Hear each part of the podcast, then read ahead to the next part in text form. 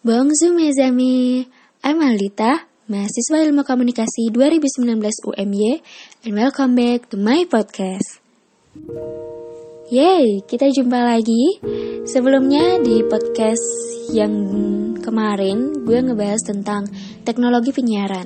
Dan di podcast itu gue udah ngejelasin bahwa jenis-jenis lembaga penyiaran tuh ada publik, swasta, dan komunitas. Ternyata ada lembaga penyiaran berlangganan nih.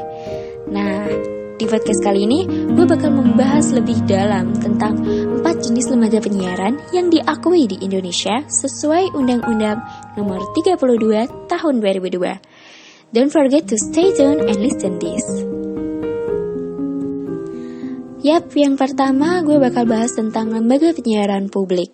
Jadi, lembaga ini berbentuk badan hukum dan didirikan oleh negara, namun bersifat independen, netral, dan tidak komersil. Jelas ya tidak komersil karena berfungsi untuk melayani kepentingan masyarakat gitu. Bahkan di tiap daerah itu penyiaran publik memiliki tingkat lokal gitu. Seperti contohnya ada TVRI, ada RRI ya kan, Radio Republik Indonesia, Terus kalau kita melihat di berbagai daerah ada TVRI tingkat Jateng, ada TVRI Yogyakarta, ada TVRI wilayah Bali gitu. Dan di waktu-waktu tertentu tuh siarannya akan berubah gitu menyesuaikan misalnya lagi di Bali, oh isinya tentang fenomena berita yang sedang terjadi di Bali pada hari itu juga begitu. Jadi seperti itu. Next berikutnya ada lembaga penyiaran swasta. Nah, ini bersifat komersil. Badan Hukum Indonesia yang bidang usahanya itu hanya menyelenggarakan radio atau televisi. Untuk warga negara asing sendiri dilarang jadi pengurus, kecuali dalam bidang keuangan dan teknik. Nah, di swasta ini ada perbatasan sila ownership dan sudah diatur dalam Undang-Undang Pasal 18 tentang pemusatan kepemilikan dan penguasaan lembaga penyiaran oleh satu orang atau badan hukum baik di suatu wilayah maupun beberapa wilayah itu dibatasi. Jadi, kenapa ada pembatasan kepemilikan? Karena untuk mencegah adanya pemusatan kepemilikan atau cross ownership. Sebab penyiaran di Indonesia ini menggunakan frekuensi publik gitu. Dalam arti semua halayak bisa mendengarkan penyiaran ini jika memiliki frekuensinya, jika memiliki medianya begitu. Maka harus ada dua perbedaan antara publik dan swasta, seperti perbedaan dalam konten-kontennya dan perbedaan dalam kepemilikan. Seperti itu. Untuk biaya produksinya sendiri pun didapat dari siaran iklan dan usaha lain yang dianggap sah tidak bertentangan dengan aturan yang berlaku.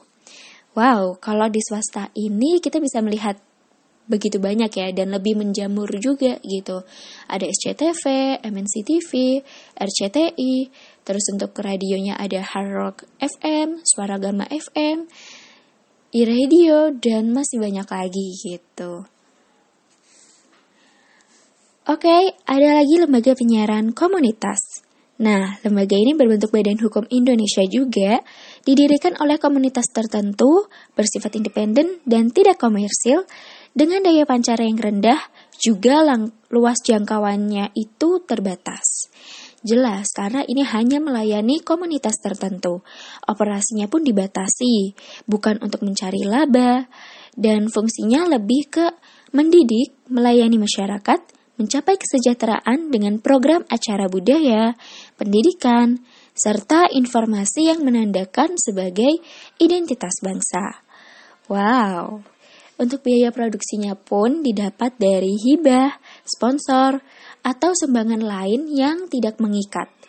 Nah, kalau penyiaran komunitas ini kita bisa melihat seperti dalam organisasi atau bahkan dalam institusi ya seperti kampus atau sekolah gitu biasanya kan ada eskol jurnalistik terus menyediakan radionya juga atau TV-nya juga terus kalau di UMY ada nuansa online TV nuansa TV gitu ya Terus di prodi ilmu komunikasi ada Ikom Radio, seperti itu contoh lembaga penyiaran komunitas.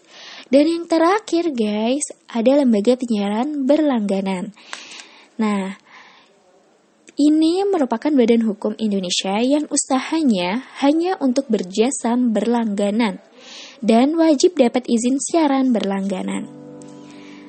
Oke guys, itu dulu yang bisa gue sampaikan kali ini. Semoga bermanfaat. Semoga penjelasan yang singkat, padat, dan jelas ini bisa dipahami sedetail mungkin. Terima kasih. Revoir.